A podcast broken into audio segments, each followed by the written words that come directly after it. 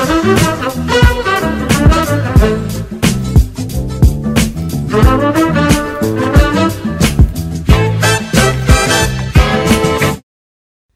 datang di Lini Podcast, ngobrol lebih dekat seputar gaya hidup sehat. Di episode spesial bulan Ramadan kali ini, mari mengenal lebih dekat mengenai puasa dan juga manfaatnya bagi kesehatan. Halo teman sehat, kembali lagi nih dengan saya Zafira. Nah, di episode sebelumnya kita telah uh, ngobrol-ngobrol tentang manfaat puasa yang bisa memperbaiki pankreas dan juga insulin.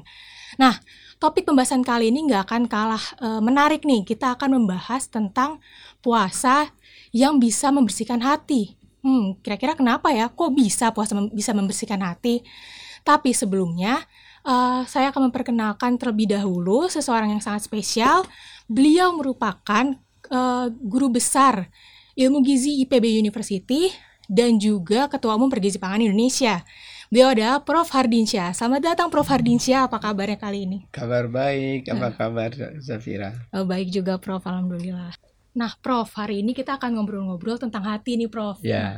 Uh, tapi sebelumnya uh, mungkin masih ada teman sehat yang belum terlalu uh, paham gitu, Prof, tentang hati. Mungkin Prof Harin bisa cerita-cerita dulu sedikit tentang hati dan juga fungsinya dalam tubuh, Prof. Ya, baik. Terutama buat teman-teman yang barangkali lupa biologi atau belum belajar biologi dan anatomi ya. Oh, iya, hati salah satu organ kalau di dalam dunia cinta sering kali itu sebenarnya gambar jantung ya, bukan gambar hati ya. ya. Itu salah ya. Nah, ya, tapi ini yang kita maksud nih hati atau liver ya. Jadi salah satu organ tubuh ya beratnya bisa sampai sekitar satu setengah kilogram yang warnanya itu kan coklat ya. Kalau sering kali kan lihat hati ayam kecil, hati sapi besar. ya uh, hati ini punya beberapa fungsi bagi tubuh manusia. Pertama fungsi hati tadi adalah untuk uh, memproduksi uh, sesuatu ya apa yang diproduksi dari hati salah satunya saja kolesterol ada juga produksi enzim ada juga produksi hormon ya. IGF hormon pertumbuhan juga diproduksi di hati itu contohnya. Juga hati punya fungsi uh, regulasi ya mengatur uh, bagaimana komposisi uh, darah kita ya yang ada di tubuh kita ini. Kemudian ada komposisi mengurai dan mendetoks ya. Uh, ada yang uh, mengurai uh, katakan hati itu punya cadangan glikogen, glikogen bisa diubah menjadi uh, glukosa masuk ke darah menjadi uh, gula darah yang merupakan uh, sumber energi buat tubuh kita. Ada juga uh, fungsi hati uh, tadi sebagai pengurai dan detoks mendekomposisi racun-racun yang harus dibuang ya yang masuk ke dalam tubuh kita bisa saja barangkali residu pestisida kita nggak sengaja makan sayur yang ada residunya ada juga uh, berbagai logam berat yang kita nggak sengaja ya kemudian itu akan di uh, uh, didekomposisi, dihancurkan, kemudian dibuang. Jadi hati punya uh, peran penting di sana. Kemudian uh, juga menyimpan fungsinya, mencadangkan sesuatu. Kalau kita suatu uh, hari makan uh, vitamin A banyak, vitamin D banyak, uh, kemudian kelebihan maka disimpan di dalam hati. Kalau sumber energi kita banyak berupa glukosa darah berlebih, maka hati salah satu tempat yang bisa menyimpan dalam bentuk glikogen. Jadi kalau fungsi hati kita terganggu, maka fungsi-fungsi yang tadi yang harusnya dia bisa menyimpan, yang harusnya dia bisa memproduksi, harusnya bisa meregulasi, yang harusnya bisa mendetoks itu jadi terganggu. Kalau fungsi detoks terganggu, apa akibatnya? Jadi kita banyak uh, racun yang berisiko penyakit pada tubuh kita. Kalau fungsi produksinya terganggu, terganggunya bisa berlebih jadi hiperkolesterol, terganggunya uh, sedikit produksinya jadi hipokolesterol misalnya gitu ya. Hmm, iya. Begitu juga uh, kalau misalnya tadi cara penyimpanan zat gizinya terganggu sehingga sulit untuk disimpan misalnya atau berlebihan penyimpanannya. Jadi kira-kira begitu. Nah, tadi kan sudah Prof Adin sebutkan juga ya salah satu fungsi hati itu adalah uh, mendetoks ya Prof. Nah, Kemudian yeah. uh, sebenarnya ada nggak sih Prof hubungan antara puasa dan proses hati dalam mendetoks kotoran yang ada di dalam tubuh, Prof?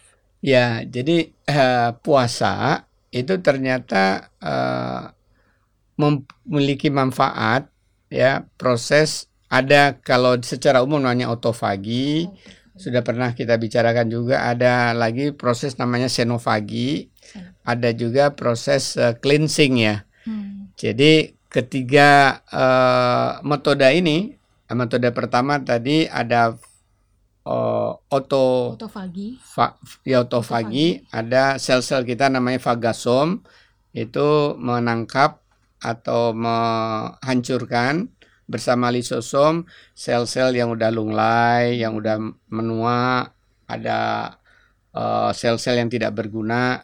Itu di, dihancurkan, di recycle.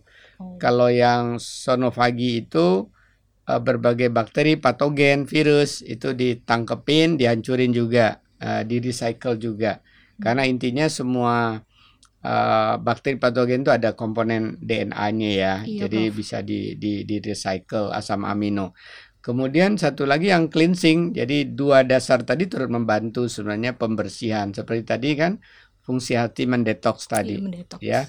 Sehingga kombinasi dari ketiganya tadi ketika orang puasa karena puasa bisa meningkatkan mekanisme otofagi, puasa bisa meningkatkan uh, mekanisme sonofagi dan juga uh, cleansing tadi.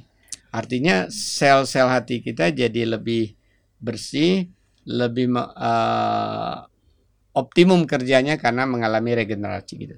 Oh, jadi puasa itu bisa membuat uh, sel hati bisa uh, lebih uh, optimum sigap, kerjanya. Optimum ya, Prof. Yeah. Kerjanya. Kemudian juga uh, kalau misalnya nih, Prof, uh, suatu saat gitu racun hati kita tuh mengalami gangguan kemudian eh, nggak hmm. bisa melakukan proses detoksifikasi tadi.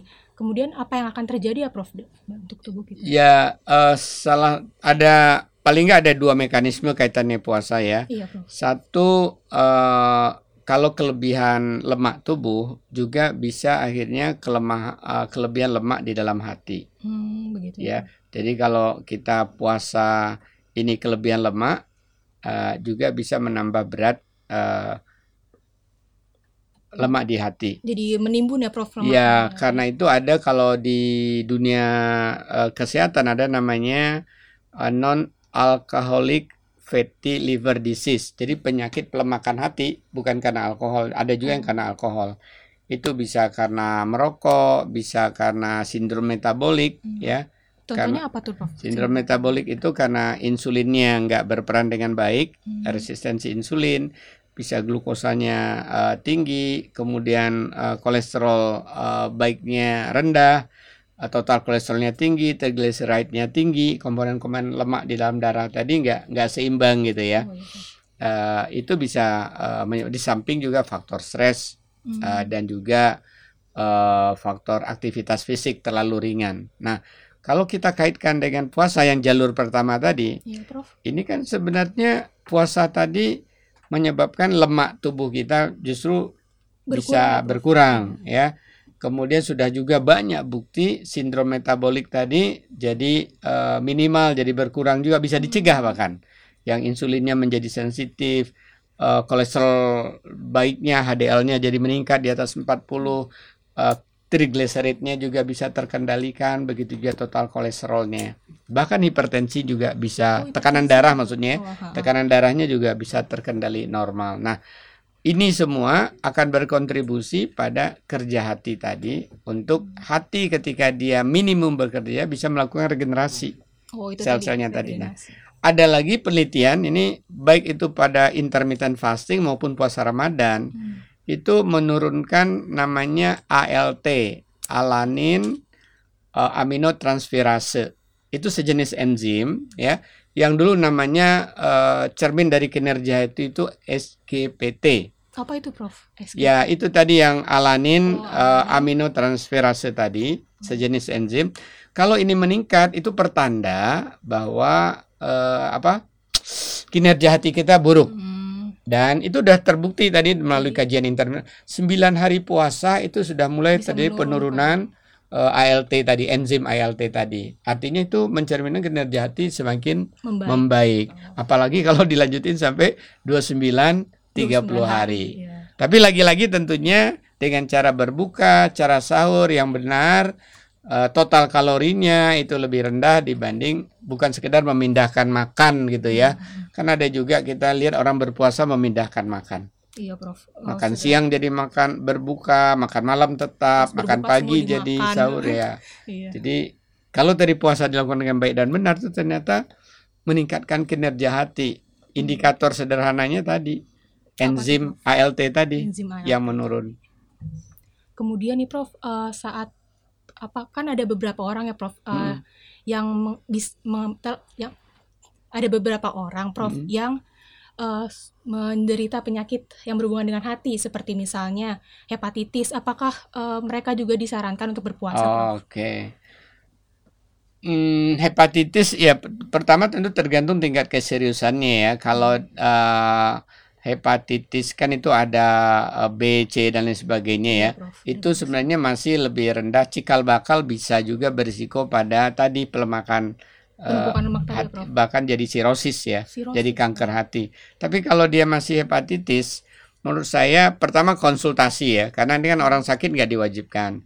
Konsultasi ke dokter, how serious level dari penyakit uh, hati. Kalau masyarakat juga ada yang bilang tuh penyakit kuning katanya ya. Iya benar, Prof. Karena kulitnya kayak jadi kuning, kulitnya jadi kuning ya pada kondisi awal karena itu kaitannya juga uh, fungsi hati dan mengelola tadi glikogen dan glukosa tadi ada ada perubahan. Jadi please konsul dulu deh kalau hmm. untuk mengetahui tingkat keseriusannya apakah ini masih bisa puasa apa tidak. Tapi kalau untuk mencegah, iya, nah ini karena fungsi puasa tadi lebih banyak sebenarnya untuk mencegah, mencegah ya. ya Bahwa ada juga untuk uh, membantu terapi, betul. Tapi mostly pada umumnya adalah dalam peran mencegah tadi melalui jalur hormon, insulin, melalui jalur enzim, kemudian melalui jalur pengendalian uh, lemak tubuh tadi ya.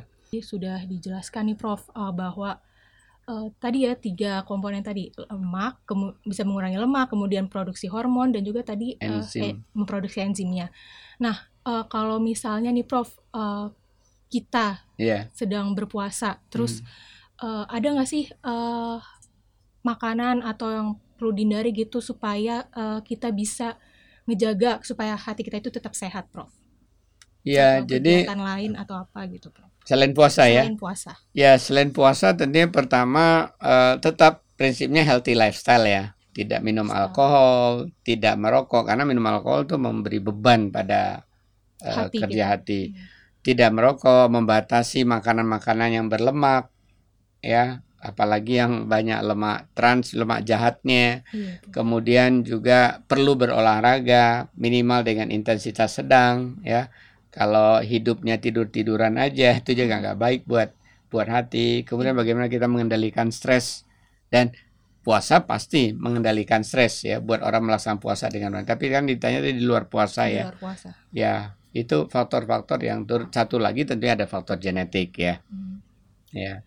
Uh, Gak kerasa nih Prof kita udah sampai di akhir ini akhir episode kali ini. Yeah. Nah mungkin uh, ada sepatah dua patah kata yang ingin Prof Ferdi sampaikan ke teman sehat mengenai topik kali ini Prof. Baik terima kasih. Jadi topik kita kali ini adalah tentang apakah puasa bisa mengoptimalkan fungsi hati atau membersihkan hati.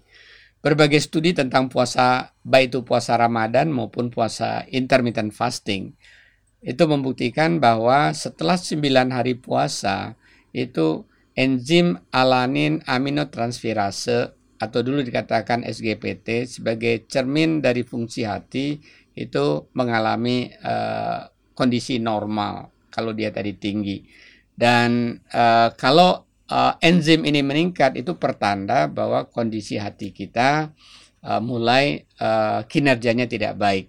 Nah karena itu puasa baik itu melalui mekanisme tadi mengatur ya eh, faktor-faktor berkaitan dengan metabolic syndrome, bagaimana meningkatkan sensitivitas insulin, bagaimana menormalkan kolesterol termasuk kolesterol uh, baik kita, bagaimana menormalkan triglyceride, menormalkan lingkar pinggang dan menormalkan enzim ALT tadi itu semua ternyata uh, bermuara pada perbaikan fungsi hati, termasuk pengendalian stres di bulan puasa Ramadan.